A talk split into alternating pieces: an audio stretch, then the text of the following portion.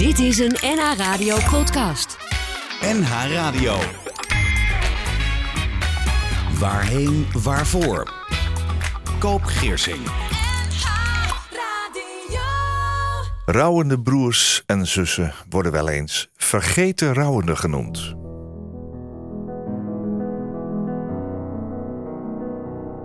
Welkom bij een nieuwe aflevering van Waarheen Waarvoor. Een gesprek met een gast over leven en dood. Over rouw, verdriet, loslaten, jezelf hervinden, opstaan. En over de rouw van een broer of zus.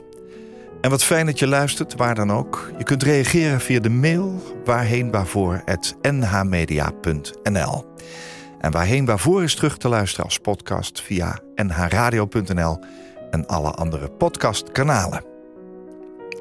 Mijn gast is oprichter van rouwplek.nl voor broer en zus. De ontdekking een vergeten rouwende te zijn was voor mijn gast aanleiding om dat te doen. Zij merkte dat het helpt om te praten over de dood van, in dit geval, haar eigen broer Martin. Niet alleen in het begin was dat zinvol, nu ook en veel later ongetwijfeld nog steeds. Annelies Ribbink, welkom. Dankjewel. Ja, ik zei al aan het begin, rouwende broers en zussen worden wel eens vergeten rouwende genoemd. Ja. Waarom? Nou ja, dat is onbewust, denk ik. Ik, eh, ik denk dat als iemand overlijdt, ehm, een broer of zus, dan gaat de aandacht uit naar eh, de kinderen, als die er zijn, en eh, de ouders. En de partner uiteraard. Ja, echtgenoot, en, partner. eh, en dat is natuurlijk logisch. ja, maar ik denk ook dat broers en zussen daar ja, een beetje worden overgeslagen. ja, Ja. Dat was dan in jouw geval zo. Dat Ja. heb jij gevoeld. Dat heb ik zo gevoeld. Ja. Ja, heb ik zo gemerkt. En ehm, ja, dat blijkt ook bij andere broers en zussen zo te zijn. Ja, En- wat, wat merk je dan bijvoorbeeld? Nou, dat, ehm, dat er eh, ehm, letterlijk direct wordt gevraagd: hoe is het met je vader? Ja, Hoe gaat het met eh, de vrouw van je broer? Hoe gaat het met de kinderen? Redden ze zich? ja. En dan wordt het stil. Ik ben er ook nog. roep Ik ben er ook nog. Ja, Ja, precies. Ja, ja. En ehm, ja, ik heb ook wel eens tegen mensen gezegd van. ehm, ehm, nou, er was bijvoorbeeld een keer een vraag van eh, hoe gaat het met, eh, met je schoonzus? Redt ze zich een beetje? En zei ik, ja, hoe, hoe- denk je dat dat gaat? Hè? Als, als, als je partner in één keer eh, een hartaanval krijgt en, en, en een hartstilstand in het ziekenhuis en dus overlijdt volledig onverwacht. Hoe denk je dat dat gaat? Nee, natuurlijk is ze daar niet overheen. Eh, ik denk ook niet dat dat gaat gebeuren. Ehm, en ook toen, ja, toen werd het stil. Ja, En ehm, toen pas veel later zei diegene van, ja, sorry, ik heb er niet over nagedacht. is Maar- ook geen boze opzet, denk ik. Nee, helemaal niet. Mensen staan nee, er gewoon niet bij nee, stil. nee, absoluut niet. Het is sowieso al moeilijk om eh, dit soort vragen te stellen. Hè? Ja. Eh, Wat kan ik wel zeggen en niet? Ja. Ja, is het ook. Ja, Is het ook. ja. Laten we eens even naar het gezin gaan waarin jij bent opgegroeid. Ja. Hoe, was, hoe was dat samengesteld vroeger toen jij... eh, was jij de eerste uit de uit Nee, de nee, nee, nee, nee. Mijn broer was eh, vijf, zes jaar ouder. Martin hebben we het Ja, over. Martin. Ja? Ja. En dan kom Eh, jij? Verder geen broers en zussen. Ja. En eh, we zijn opgegroeid in Zutphen. Op Hansenstad. Ja, de Hansestad. Ja, ja, ja, klopt. Ik kom uit Zwolle. Oh ja, Dus ja ook een natuurlijk. Ja. Ja, ja, dan ken je het. Ehm, ja, het was een eenvoudig gezin. We deden gewoon simpele dingen. Gewoon eh, eh, kamperen vroeger. Ja. Eh, s- ja, knutselen, buiten spelen. Ja. Gewoon Wat geen- deden geen wat deden je ouders? Eh, mijn vader is altijd postbode geweest. Ja. Na de militaire dienst. Mijn moeder ehm, ja, heeft in huishouden gewerkt en was alfa-hulp Oké. als laatste. Ja. Ja. Was altijd thuis als jij thuis kwam? Ja, ja, een bekende moeder met eh Kopje thee? en, eh, Ja. ja. ja. Mijn moeder is er niet meer, hè? Nee, mijn moeder is zeven jaar geleden overleden. Ja. Ja. Hoe heette ze? Lot. Lot. Ja. Oké. Ja. Zullen we ook even aan haar denken vandaag? Ja. Ehm, En mijn vader heet ook Martin trouwens. Ja, oh ja? ja, ja, ja. Die heeft zijn zoon ook Martin genoemd. ja. Ja. exact dezelfde namen. Hey, en ja. hoe, hoe was de relatie met jouw oudere broer? Eh, heel goed. Ja. Ja, ja, ja. we Dat is waren- wel een tij- tijdverschil, toch? Vijf, Ja, ja, ja, ja dat klopt. Eh, nou ja, vijf, zes jaar. En, en ehm, ja, dat werd ook wel eens gezegd van... ehm, Eh, in de meeste gezinnen is dat dan een groot verschil. En eh, ja, kun je niet helemaal vinden in elkaars wereld of zo. Nee, nou ja, dat begrijp ik wel. Ja, maar als, bij als ons hij was dat niet 18 zo. is, dan, ben jij 13 dus. Ja, het was ook letterlijk zo. Dat toen ik in de... We hebben natuurlijk al op dezelfde scholen gezeten. Oh, dat wel. Ja. En, Maar hij was eh, in het eindexamenjaar toen jij... Exact. Ja, En ik kwam in de brugklas. Oh ja, jij kwam in de brugklas. ja. En Ja. toch hebben jullie een goede band gehad. Altijd ook. altijd. Ja, En toen altijd. zijn jullie uitgevlogen. Hoe ging dat? Eh, mijn broer ging eh, studeren. Die heeft sociale geografie gestudeerd in Nijmegen. En kreeg toen een baan in de Noordoostpolder. En daar heeft hij altijd gewerkt. Ja. Hij was beleidsadviseur milieu. Ja, is daar naartoe gaan, gegaan. En ehm, ja, ik zat toen natuurlijk nog op school. Ehm, Wat ben jij gaan doen? Van alles. ik ben onder andere twaalf jaar fotograaf geweest. eh, marketingfuncties. En ehm, ja, meerdere banen gehad. En Ja. ook daar zit wel een verschil in met mijn broer. Die heeft altijd dezelfde baan eh, gehad. Mhm. Eh, maar goed, dat maakt allemaal niet uit. En Contact bleef ook Ja. altijd? ja, we hadden ook eh, één keer per jaar eh broer-zusdag. Dat hebben we ook altijd eh, lang volgehouden. Ondanks dat we ja, levens groeien uit elkaar natuurlijk. Nou, als je Ja. ouder wordt, groei je weer wat naar elkaar toe, is mijn ervaring. Ja, maar ik bedoel, fysiek ben je niet meer bij elkaar. Oh ja, En hij had ja, natuurlijk ja. zijn gezin. Letterlijk. En, ja, Ja, precies. ja. En, en ik ook. Maar dat maakte niet uit. En we hadden dan een eh broer-zus eh, uitstapje. Ja. En, en dat was ook wel jammer. Want ik wou juist in de corona, daar, ja, daar was hij echt panisch voor. Eh, dus dan hebben we elkaar minder gezien. Mhm. En, ik, en ik, ja, ik miste dat contact. En ik was juist van plan om dat weer aan te zwengelen. En weer een broezersdag af te spreken. Maar ja, dat is eh, helaas niet van gekomen. Wanneer is hij overleden? Eh 25 maart Wat is, je, 2021. wat is je mooiste herinnering aan hem? Ha. Eh, moeilijke vraag. Nou, ik vond het wel heel erg leuk. Bij de, ehm, ik vond het heel typerend. Ik vond het heel scherp neergezet bij de uitreiking van zijn bul. Toen zei degene van eh, Martin is geen prater. Als hij zou kunnen kiezen. Want hij, hij, oh sorry, hij tekende voor het eh, universiteitsblad. en toen zei die man die eh, de bul uitreikte, die zei van... als Martin zou kunnen kiezen, dan zou hij liever tekenen dan het te vertellen. Ja, dat, dat, dat vond ik wel heel typerend. Ja. Ja. Zo zie jij dat ook. Ja, zo zie ik dat ook. Ja. Mooi. Ja. Mijn gast in deze aflevering van Waarheen Waarvoor is Annelies Ribbink. Zij voelde zich na het overlijden van haar broer Martin een vergeten rouwende. Voor Annelies was dit aanleiding om rouwplek.nl op te zetten. Een plek voor broers en zussen van een overledene. En die lotgenoten weten precies wat je meemaakt, waar je doorheen moet. Ze herkennen je gemis, de verwarring, het onbegrip.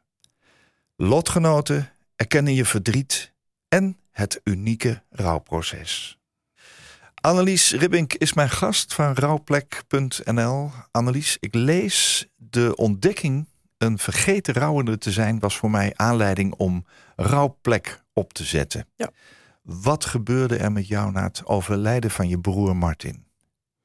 Eh, heel veel. Ehm, ja, uiteraard heel veel eh, emoties rondom het eh, overlijden. Hij kreeg een hartaanval, hè? Ja, hij kreeg eh, thuis een hartaanval. Was, was hij zomaar... Was dat onverwacht of was hij, was hij al ja, bij een dokter of zo? Waren ehm, al signalen dat dat niet goed zat? Ja, eigenlijk is dat een beetje lastig te zeggen. Hij heeft wel een aantal jaren geleden heeft hij wat, wat hartritmestoornissen gehad. Heeft hij ook bloedverdunners gekregen. Oh ja.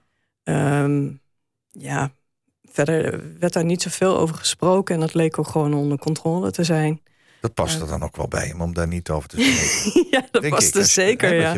Ja, nee, dat klopt. Dat Ja. klopt. Ja. En eh, wat ik van mijn schoonzus heb gehoord is dat hij eh, eh, vier dagen in bed lag. Maar goed, dat, dat, ja, dat wisten wij natuurlijk niet. Maar ehm, eh, ja, dat hij heel erg moe was. ja. Oh ja. Dat het geen corona was, want dat was natuurlijk in die tijd nog. ehm, maar gewoon heel erg moe. Ja. ja. Ehm, maar dat hij inderdaad een hart, eh, hartaanval kreeg, dat was volkomen onverwacht. Ja. Ja, ja.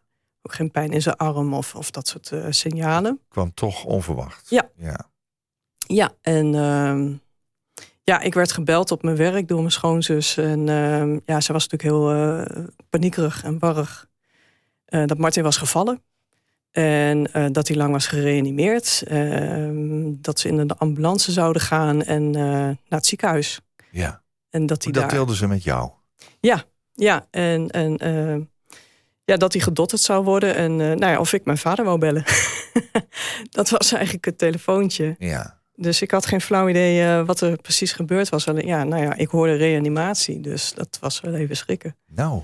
En ik hoorde dotteren. Dus, uh, nou ja, ja. dotter is nog een oplossing, maar reanimatie is nogal wat, hè? Ja, precies. En ze zei ook lang gereanimeerd. Dus ja, ik dacht, wat is er in godsnaam Ja. aan de hand? Maar toen zij jou belde, leefde hij nog, Ja, blijkbaar. ja, hij leefde toen nog. Ja, Ja. ja. ja. En, en heb jij toen dat telefoontje gepleegd? ik heb eh, mijn man gebeld en die bleek stond toevallig in de buurt van mijn eh, vader te zijn. Dus die heeft mijn vader meegenomen naar het. eh, mijn vader woont in Zutphen nog.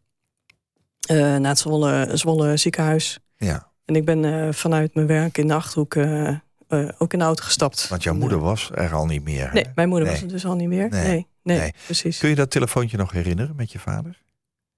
Ja, ja zeker. Ehm, Wat heb je hem verteld? nou, dat, dat mijn schoonzus belde en dat Martin was gevallen. En dat ik niet precies weet waar, wat, maar dat hij was gereanimeerd. En dat hij gedotterd zou worden. Ja, ik heb het me letterlijk eh, doorverteld zoals Ja. de, de boodschap gebracht werd. En eh, hij viel stil en, eh, en, en vloekte. En ja, eh, ehm, ja ik, ik merkte dat hij ook werd overvallen. En ook een beetje paniekerig werd. En, Ja. maar goed, ik heb, ik heb gezegd dat mijn man al onderweg was. Ja. En hem op zou halen. Zijn jullie toen naar het ziekenhuis gegaan? Ja. In Zwolle was dat, hè? In Zwolle, ja. Sofia. Ja, klopt. En wat trof je aan? Naar in eerste instantie een EHBO-tent waar ik moest wachten. ja, het was coronatijd, dus we mochten eentje door. En eh, mijn vader was eerder binnen, dus eh, ja, die was uiteraard door. Ja, Eh, logisch ook. gekke, En, eh, tijd ook. Ja, precies. En, Ja. eh, en ik moest wachten. En ehm, ja, het was sowieso allemaal heel raar. Want ze hadden ook bijvoorbeeld geen plek gekregen in het ziekenhuis. Geen kamer of zo. Nee.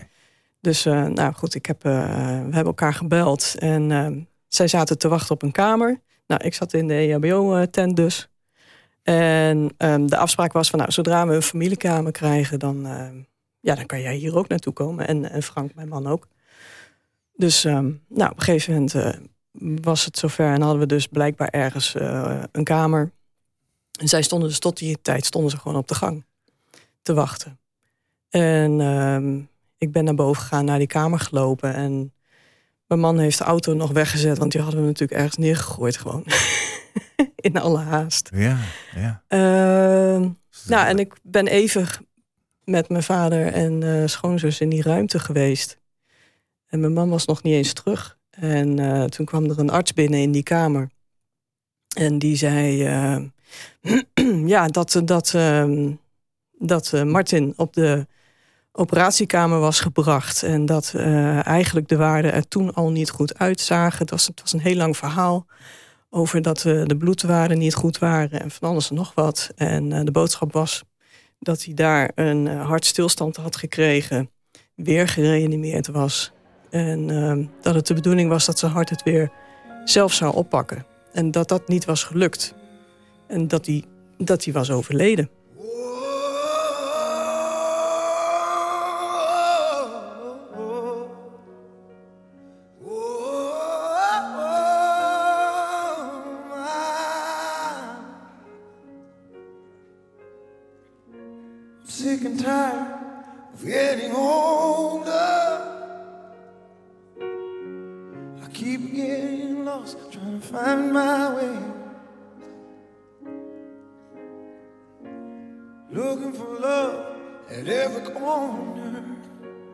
Night after night.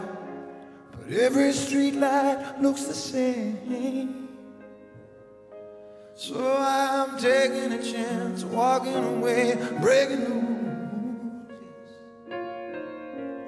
Nobody here can tell me what to do. I'm out on my road, making my way. Trying to be someone that I can be proud of one day.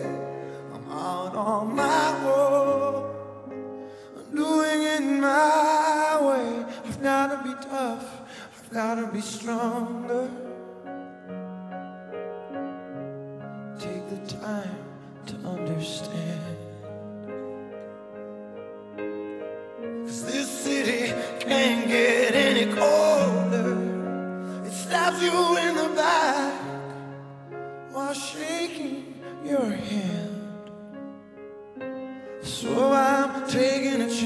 Walking away, breaking the rules.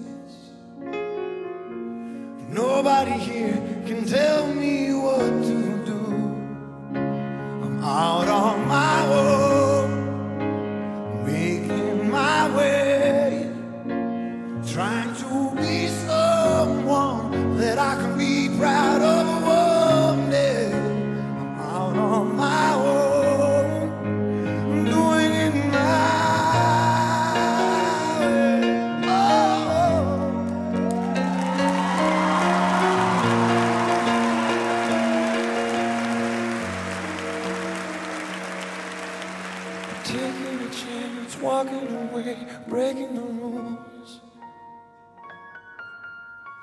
Nobody here can tell me what to do. I'm out on my own, making my way.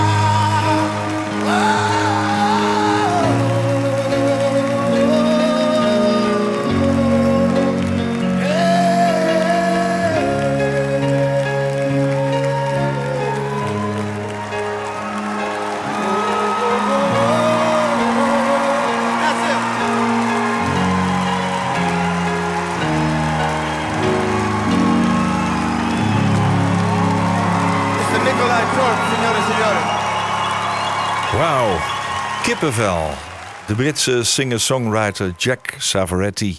Hij heeft een eh, Italiaanse twist met een akoestische versie van Breaking the Rules. Live in Portofino aan de Italiaanse Riviera. Nee. Dit liedje moest ik starten naar jouw verhaal, Annelies, over het overlijden van je broer Martin. En eh, ja, ik kreeg er een beetje kippenvel van, zo Ja, die combinatie. Ja. Het is het eerste liedje van drie liedjes die jij hebt meegenomen vandaag. Die Mhm. eigenlijk, eh, ja, ik vroeg jou, neem er nou eens drie mee. Ja. Voor je eigen uitvaart. Hoe, hoe was dat overigens? om te doen? Eh, moeilijk. Er is zoveel keuze. Ja, dat is Ja. het. Hè? Ja, er is zoveel keuze. En ja, ik vond het ook moeilijk om, om te zeggen van... ik wil dat dit gedraaid wordt op mijn uitvaart. Omdat ja, je hebt natuurlijk je eigen voorkeur en je eigen smaak. Maar, Ja. En, en, je, en de liedjes waar je heel vaak naar luistert. Maar ja, Ik zou het ook mooi vinden als mensen zelf hun muziek uitkiezen. Begrijp ik. Ja. Maar die zijn er nu niet. Die zijn er En nu jij niet. bent er wel. Nee, precies. Waarom dit Ja. liedje? Eh, ik vind het heel mooi. Ik luister eigenlijk altijd eh, het liefst naar eh, live opnames. En ehm, ik vind deze man prachtig omdat hij eh, in staat is om met zijn stem en eh, alleen begeleid door een piano zoiets moois neer te zetten. En, en, en ja, de passie die eruit eh Dat hoor knalt. je ook aan het publiek, hè? Ja, je hoort aan het helemaal publiek. mee. Ja, die gaan helemaal eh, in, in op. Ja, Ja, dat vind ik fantastisch. ja. Als je dat kunt. Mooie keus, dankjewel. Annelies Ribbink Ja. heeft rouwplek.nl opgericht. Een plek waar lotgenoten die een broer of zus verloren hebben... elkaar kunnen ontmoeten en hun verhaal delen. Annelies, je kunt spreken van gebrek aan begrip voor jou. Mhm. eh, verdriet, hè? Je hebt het al uitgelegd. Mensen vragen vaak ehm, niet rechtstreeks naar jouw verdriet... maar dat van de ander. Hè? Ja. Ehm, ik ga ook even vragen... hoe is het vandaag met je vader? ik denk goed, want we hebben gisteren zijn verjaardag gevierd. Gisteravond. Hij was Kijk. vrijdag jarig. Nou. En gisteren hebben we dat gevierd. Van En harte. Dat was, eh, we hebben gegeten. Ja. En eh, dat was heel gezellig. Dus eh, ik denk dat het goed is met hem vandaag. Ja? Ja. Oké, hoe gaat hij om met het verlies van zijn zoon en zijn vrouw? Ehm, nou, dat is best moeilijk. Eh, Ja. Zeker eh, van mijn moeder. Zijn, eh, Ja? zijn 50 jaar samen geweest. Maatje. Ja. Ja, En ja, dan komt er natuurlijk ook nog het verlies van Martin overheen. ja. En Dat is ook niet niks, hè? dat is zeker niet niks, Oh. nee. Nee, Ja. nee, nee. Dat is ook verschrikkelijk natuurlijk. Nou ja, aan de andere kant, jij hebt ook een moeder verloren. Ja. En je hebt een broer verloren. Nou, we Ja. hebben het over het verlies van een broer en een zus. Dat gebrek aan begrip voor jouw verdriet. Hoe, hoe ging je daar aanvankelijk mee om? Want op een gegeven moment ga je dus in de gaten krijgen van... hé, hey, Ja. eh, ik sta hier wel, maar niemand vraagt naar mij. Nou, ja, dat is goed dat je dat zegt, want in het begin heb je dat niet door, inderdaad. Want in het begin eh, wordt er natuurlijk eh, de kaartjes gestuurd en wordt je gebeld. Ja. En, eh, Je zit in de regelmodus, hè? ja, ja, precies. Maar dat is zeg maar eh, eh, de eerste week, de eerste paar weken. En dan, eh, dan houdt het op. Ja. En als het dan nog een keer wordt geïnformeerd, ja, dan gaat het niet meer over jou, maar dan gaat het over je vader inderdaad. En eh, schoonzus en eh, nichtjes. ja. Ja. Dat voelt lastig. Ja, dat is lastig, want eh, voor, voor mij begon het toen eigenlijk pas. Want ehm nou, die eerste paar weken, ik weet daar eigenlijk niks meer van. Heel weinig. En ook de, de begrafenis, dat is echt als een roes voorbij gegaan. Was het een begrafenis? Ja, en dat was allemaal op zich eh, heel erg mooi. Maar ja, ik weet bijvoorbeeld ook, en, en dat is natuurlijk ook omdat er eh, rottige eh, coronamaatregelen er waren. Ja. Ik weet bijvoorbeeld ook helemaal niet meer wie er waren. Ja, wel van mijn familie, maar ik weet dat er ook collega's waren. Ja. Ik heb er eentje gesproken ook. Maar verder, ik, ik geen idee. Nee. Nee. Je ouders eh, kunnen sterven, ja, een tante, een oom, een opa, Ja. een oma. Wat is er zo anders als je een broer of een zus verliest, denk jij? Nou ja, ik denk dat je broer of zus zo ongelooflijk veel ehm, met jou deelt, omdat hij op je lijkt. Eh, je hebt gedeelte eh, DNA, maar je hebt ook je jeugd, waarin je samen opgroeit. Ja, Je hebt je eigen grapjes, je eigen humor, het eigen ehm, klieren, het eigen afzetten een stuk tegen van je jezelf ouders. eigenlijk. Het is een stuk van jezelf, een heel groot deel van jezelf. Ja. Ja. Merk ja. je dat ook als je met lotgenoten praat? Ja, die zeggen eigenlijk hetzelfde. Ja, ja. En ook ehm, bijvoorbeeld, ik had zelf het gevoel dat, je, ehm, ja, dat, dat ik een gat in mijn hart heb. Ja, dat ik had. Direct na, de, na het overlijden. En dat kan je natuurlijk helemaal niet uitleggen. Maar zo voelde dat. En, ehm, nou, Lotgenoten begrijpen dat, hè? ja, die snappen dat. Die, Ja. hebben, die hebben ook eh, dat soort dingen. En die, een van de zussen heeft ook wel eens gezegd... Van, het, het voelde alsof ik drie benen had voorheen. En eh, toen haar broer overleed, dat ze er twee had. Alsof het een deel geamputeerd was. Ja, amputatie. ja, Dat hoor je ook vaker. ja. Ben je gaan zoeken naar eh, waar kan ik hulp krijgen? Of waar, waar, waar Ja, vind ik, zeker. waar vind ik iets wat ik nu voel, maar waar geen Ja. begrip voor is? ja, dat was inderdaad... eh, ja, vanuit die zoektocht is het inderdaad ook wel ontstaan, eh rouwplek uiteindelijk. Want je vond niks. Ik vond niks. En, ik, ik vond één ding, maar dat sprak me niet aan. Nee. En ik ben op zoek geweest naar, naar boeken, maar vooral om mensen te ontmoeten die, die hetzelfde hebben meegemaakt. En ehm, ja, zo begon mijn gedachte over een, een platform te ontstaan. En een website. Ja. En ik dacht van ja, Gaan ze wel uitnodigen? ik ga ze uitnodigen. Ja, precies. En, en, en ehm, het is eh, sowieso goed voor mezelf om, eh, om dingen te delen. Ja. En als ik daar dan ook nog anderen mee kan helpen, ja, waarom niet? Het is voor jezelf ook heel fijn, denk ik. Ja, tuurlijk. Ja. Ja, het is absoluut helend. Eh, Ja, ik ga je zo dadelijk vragen hoe het in elkaar zit en eh, wat je daar vindt. Eh, Mhm. ik, ik, ik ga naar het tweede liedje van de drie die je meegenomen hebt. Ja. Je hebt gekozen voor live-uitvoeringen, die zijn vaak wat langer. ja, We gaan naar een, eh, een herinnering naar een, een, een band die in de jaren 60 en 70 en een heel klein deel van de jaren 80 actief was. Ja. Pink Floyd. Waarom? ja. En waarom dit nummer? Laten we dat, laten we dat vragen. Ja, nou, dit Pink Floyd. Ja, dan moet ik ook weer even terug naar, eh, naar, eh, naar eh, onze jeugd. Mijn broer had een, een zolderkamer en ik had een klein kamertje. En op mijn kleine kamertje had ik ook een radiootje en een cassettedekje. maar mijn broer zat van de audio, dus die had het altijd piekfijn voor elkaar. En, en dus luisterden we altijd bij hem op zijn grote zolderkamer. Ehm, en ja, nou ja, nogmaals, ik was vijf, zes jaar jonger. Dus ik had ook een andere muzieksmaak. En, ehm, maar hij luisterde altijd Pink Floyd. En dat vond ik altijd prachtig. Ja. Dus daar zijn de eerste herinneringen aan. En dit liedje ook. En ehm, ja, dit liedje had ik ook voorgesteld eh, bij zijn eh, begrafenis. En eh, toen bleek dat, ehm, nou, ja, dat hij daar met zijn vrouw ook over had gesproken. Van dit is eigenlijk wel heel grappig. Van, ja, alsof je weggaat. En alsof je. ja. Eh, hij had zelfs wel eens gezegd, volgens mij, van dit zou iets zijn voor mijn. eh, bij, als ik overlijd. Omdat hij zei van eh, je gaat weg. En is there anybody in there? Hello. en ehm, hij vond het ook een beetje bizar,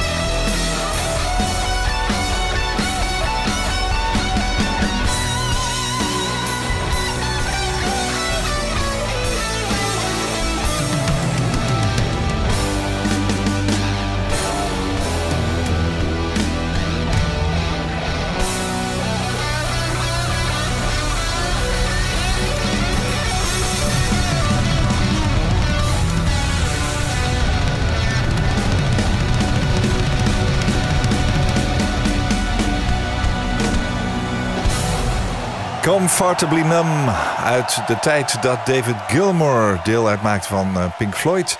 En hier door hem live gespeeld in het Openluchttheater in Pompeii.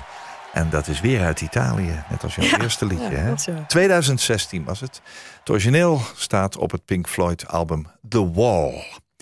Annelies, dank voor deze muziek. We hebben nog één liedje staan. Hoe zit www.rouwplek.nl in elkaar? Wat vind je daar? Daar vind je eh, met name verhalen van andere broers en zussen. ehm, waarin zij vertellen wat er is gebeurd. En ehm, ehm, ja, wat zij vervolgens hebben meegemaakt. En eh, hoe ze er nu in staan in hun, eh, in hun rouwproces. Ja, hun verdriet. Ja, en in sommige verhalen zie je ook ja, een, soort, een soort tip of advies aan andere broers en zussen die hetzelfde gaan meemaken. En wat voor tips bedoel je? Wat voor advies Ehm, geven ze?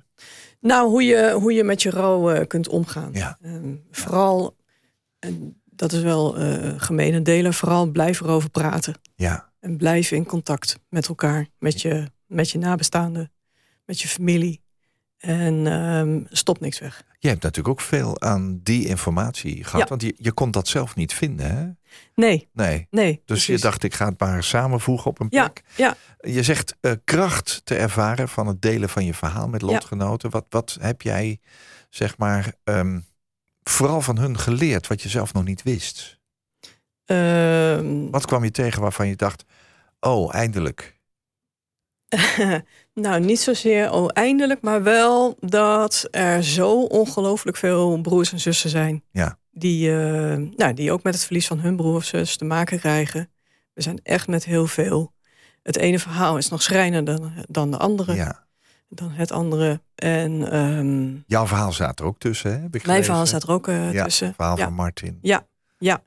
En dat het niet uitmaakt eh, wie je bent of, of wat je doet. Het, ehm, het verdriet is er. Ja. Ehm, ja, en je kunt het ook niet naast elkaar zetten. Je kunt het niet vergelijken met elkaar. En dat eigenlijk iedereen op zoek is naar erkenning. Ja. Ja, en, en de herkenning in de verhalen, die bieden troost. Ja, want dat is ook wat ik eh terughoor. Kijk, ik, ik ben natuurlijk gaan werken in, eh, in het luchtledige, want ik had geen idee. Ik Ja. wist niet precies hoeveel broers en zussen er zijn. Geen idee. Nou, veel. Ja, heel Ja, veel. pff, Maar ook wel. bij het CBS bijvoorbeeld konden ze me dat niet eh, vertellen. Dat wordt niet bijgehouden. Ehm, dus ik had geen idee. Ik had ook geen idee of er behoefte aan was, überhaupt. Bijzonder dat je, eh, Ja. ik, ik snap het hoor, maar dat je je in één keer afvraagt hoeveel broers en zussen zouden er eigenlijk zijn die Ja. iemand verloren hebben. Ja, ja. Ja, nou ja, ik heb wel eens een, eh, een zus gesproken uit, het, uit hetzelfde dorp. En toen kwamen we erachter van, oh, alleen al in deze drie straten zijn er drie of vier. Ja, maar natuurlijk. Ja, natuurlijk, Ja, precies, ja, ja. precies. En, en wat Ja. kunnen wij leren eh, die bijvoorbeeld geen ervaring hebben met het verlies van een broer of een zus? Eh, ja, sowieso eh, de dood niet als een taboe beschouwen. Nee, Absoluut niet. maar altijd vragen hoe is het met jou? Altijd vragen. Hoe is het ja, met jou op dit ja, moment? precies. Ja. ja. En een hele mooie, die, die zei Jelte Krijntje, die laatst bij jou in de uitzending is geweest. Ja. Eh, vraag ook eens naar degene, aan diegene hoe oud hij of zij was toen een broer of zus overleed. Oh ja. Want dat maakt natuurlijk ook verschil. ja. Ehm, Jouw broer Martin is overleden in 2021, Ja. op 25 maart. Ja. Ehm, dan vraag ik jou nu, hoe is het nu met jou? Eh, een stuk beter. Ja. En inmiddels, ja. Het gaat natuurlijk een beetje. eh, eh, als, je, als je het vergelijkt met zo'n lau- eh, rouwladder, hoor je bijvoorbeeld wel eens over. Dat je Ja. verschillende treders eh, omhoog. Oh ja, Dan ja. lazen je er weer een keertje af. Op dit moment gaat het goed met mij. Ja, Ehm, maar je merkt wel dat je onderhuids een soort laagje hebt van, van verdriet. En dat, ja, dat is altijd aanwezig. ja. Ja. Dat lees je ook hoor, op rouwplek.nl. Ja. En iedereen gaat er ook anders mee om, hè, Ja. merk ik. Ja, Ja. precies. Er zijn ook wel mensen die het wegstoppen. Of die zeggen van ja, dat hoort bij het leven. Ja. En eh, het is goed zo. Nou, Ja, het zal best, maar ik geloof daar niet in. nee, nee, nee. nee, nee. nee, ik geloof dat als je het eh, verdriet deelt en je verhaal doet, keer op keer op keer. Is er nog eens een moment dat je, als je dat vertelt, heel erg verdrietig bent? Moet huilen? Ja, zeker. Ja. zeker. Zal ook nooit weggaan. Nee, dat denk ik niet. Nee. Nee, en dat is ook niet erg. Ehm, we hebben laatst eh, met een aantal broers en zussen, waarvan de verhalen op de website ook staan, Mhm. hebben we een avond samen gegeten. Ja. Ik heb eh, gekookt en ehm, ja, dat was een fantastische avond. Heel mooi ook. Ja, heel mooi. Ja. Ja, en eh, daar viel ook op dat, ehm, ja, dat mensen heel direct op elkaar reageren. Ja. Ehm, direct in de zin van, ik snap wat je zegt. En ik snap wat je, wat je doormaakt. Erkenning weer. Ja, ook. weer die erkenning Ja. inderdaad. En, en de herkenning. En ja, je voelt een soort, ver- een soort verwantschap, zeg maar. Ja. Ja, Ja. het was echt prachtig. Mooi advies aan mensen om, om af en toe ook eens iets te organiseren waarbij het alleen daarover gaat. Ja, Een hapje te eten. Ja. Kan, je kunt ook lachen, denk ik. Hè? ja we hebben gelachen, we hebben gehuild. Ja. Ja. Ja, ja. Ja. Oh, mooi. Alles. We hebben nog even tijd voor het derde liedje op jouw lijstje. Drops of Jupiter. Ja. Waarom staat die erbij? Eh, ik vind eh, de tekst heel erg mooi. Ik weet dat eh, de zanger het heeft geschreven voor zijn moeder, die aan kanker is overleden. Ehm, maar ook al zonder, zonder dat te weten, ja, de tekst is zo mooi, omdat het gaat over ruimte die er is, blijkbaar, om nog iets anders te gaan doen. Ehm, ja, het is, een, het is een filosofische tekst.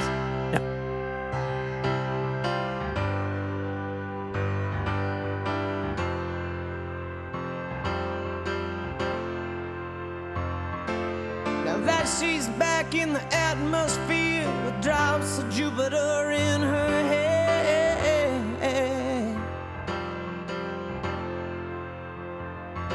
She acts like summer and walks like rain. Reminds me that there's a time to change.